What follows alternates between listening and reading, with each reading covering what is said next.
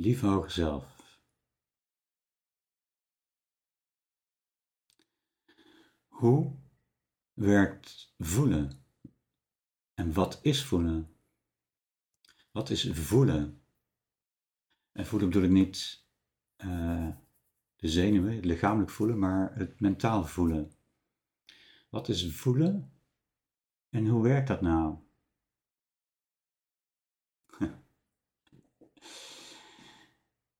Hoe gaan we dat uitleggen? Voelen. Voelen is een manier van signaalgeving.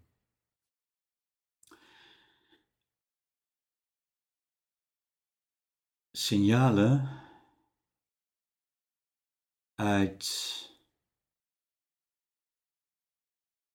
uh, signalen van je mind, signalen van je onstoffelijke zelf, signalen van je stoffelijke zelf niet zozeer. Nee. Signalen van je mind en je onstoffelijke zelf. Uh, laten we beginnen bij de onstoffelijke zelf. Wat je daarvan kunt voelen is, nou eigenlijk is het voelen van de mind.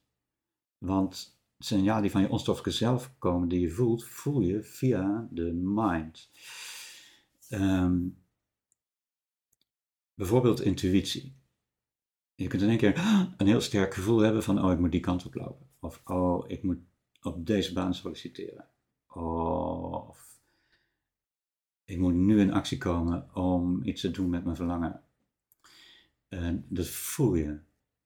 Uh, die informatie uh, komt van je hoger zelf via je pijnappelkleer uh, naar je brein, naar het gebied van je emoties. En mm, kan, of het kan ook direct naar je hartcentrum gaan. Uh,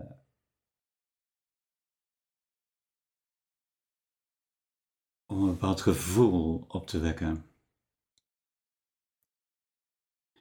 Dus wat is voelen? Voelen is.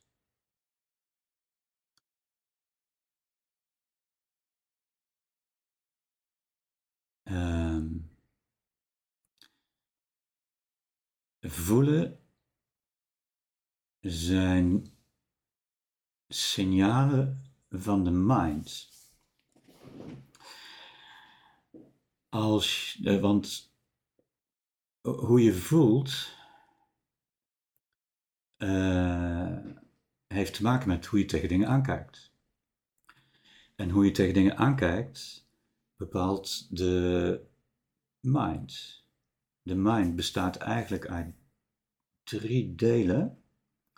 De mind is een vat vol indrukken, informatie zou je kunnen zeggen, die je via zintuigen hebt opgedaan of via je onstoffelijke kanalen zijn binnengekomen, allemaal indrukken, waarvan een klein deel bewust is.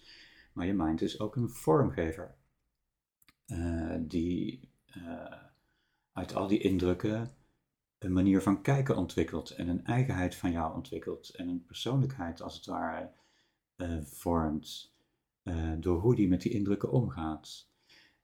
En je mind is een tussenpersoon van alles wat in het vat zit en wat vormgegeven is, om daarvan dingen naar je gedachten te sturen. Zodat dat je die gedachten kunt hebben. Waar zit dan het voelen? Het voelen zit in de vormgever van die drie van de mind. Uh, de vormgever bepaalt hoe die naar iets kijkt. En die bepaalt ook wat voor soort gevoel dat bij die persoon oproept. Ehm, want als de een dezelfde situatie als heel positief ziet, zal die blij worden. En als de ander in dezelfde situatie zit en die ziet het als negatief, dan wordt hij niet blij. Dus je gevoel is afhankelijk van hoe je kijkt. En hoe je kijkt wordt bepaald door de vormgever in je mind. een beetje complex. Ehm, ehm, dus voelen gaat over de beleving van wat je ervaart. Ehm, maar hoe je iets ervaart wordt bepaald door die vormgever van je mind. en die mind, die geeft signalen uh, aan jou als mens, als persoon, over die beleving, hoe die, die beleving is, door middel van het gevoel wat je daarbij voelt. Dus wat is voelen? Voelen is het ontvangen van signalen van de vormgever van je mind over hoe die dingen ervaart. Nog een keer. Voelen is het ontvangen van signalen van de vormgever, van de mind, hoe die vormgever de dingen ervaart. Het is een beetje complex. Uh, uh, maar het is al heel wat dat we hier een, een soort van verheldering of uitleg in kunnen geven. Uh, en wat is de rol van de onstoffelijke erbij? Ja, eigenlijk niet heel veel anders dan dat dat ook input is voor dat grote vat.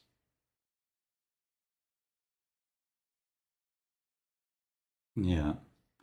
En het signaal van het voelen, wat is het nut daarvan, zou je kunnen zeggen?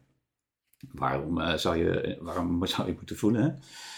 Omdat wat je voelt uh, is eigenlijk output wat van wat je mind beleeft, hoe je mind de ervaring heeft beleefd. Maar die output is eigenlijk weer input voor je nieuwe ervaringen. En daarom is het zo ontzettend wezenlijk belangrijk iets in je hele levensprocessen.